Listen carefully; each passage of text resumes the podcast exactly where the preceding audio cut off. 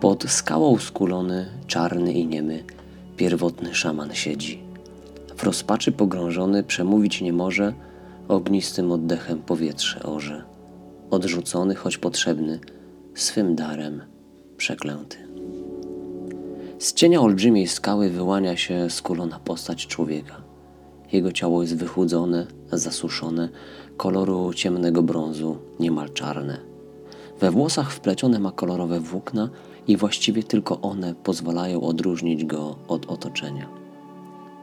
I choć do mnie mówi, to ust swych nie otwiera. Czuję i wiem, co czarnego szamana uwiera. Ziejąc ogniem, nie kontroluje żywiołu, nie akceptuje siebie, zostawia tylko ślady popiołu. Nie widzi dalszego życia powodu. Ogniem ziejący człowiek przybywa z zamierzchłych czasów. Czasów tak bardzo odległych, w których koegzystencja ludzi i dinozaurów nie była niczym niezwykłym. Ów człowiek dla swej społeczności jest żywym Prometeuszem, dawcą ognia i bezpieczeństwa. Dzięki jego umiejętności, będącej dla niego samym istnym przekleństwem, jego współplemieńcy mogą jeść ciepłą strawę, a nocą oświetlać swe jaskinie, grzejąc się w blasku ognia. Tak wiele innym dajesz, tak wiele dla nich znaczysz. Okiełznaj swe moce, a nowego życia doświadczysz. Dostrzeż piękno swego daru, zaakceptuj to, co przy narodzinach ci ofiarowano. Czarny szaman podnosi głowę i spogląda na kosmicznego podróżnika.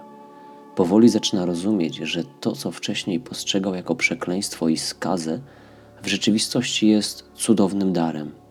Ten dar, ta niecodzienna umiejętność daje mu niezwykłą szansę służenia innym.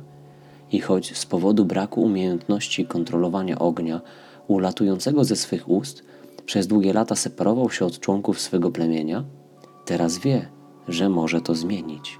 Widzi, że jest nadzieja. Kosmiczny szaman wyczuwa moment, bierze swego pierwotnego gościa za rękę i prowadzi pod wodospad. Woda uderza w ich ciała, oczyszcza je, energetyzuje, przynosi ulgę.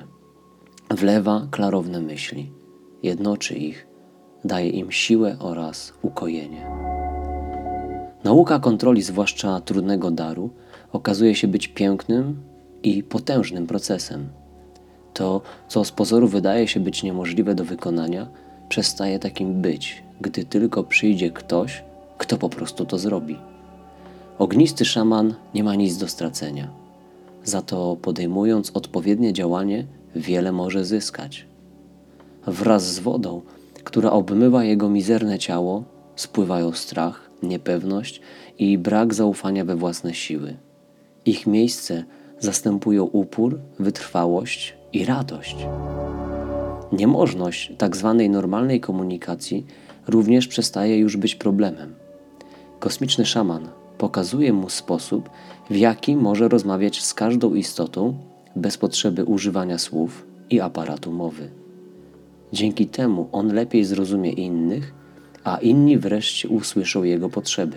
Im więcej w nim spokoju i równowagi, tym więcej jest nadziei.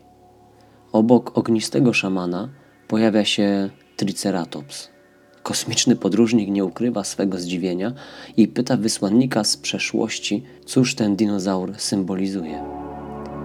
Nie nosorożec, a przodek jego. Ostatni racjonalizmu bastion upada. Ludzie i dinozaury? Ale jak to? Przecież to nie wypada. Sprzeczności łącz, dostrzegaj powiązania, szukaj wewnętrznego ognia, bądź panem świętego grala.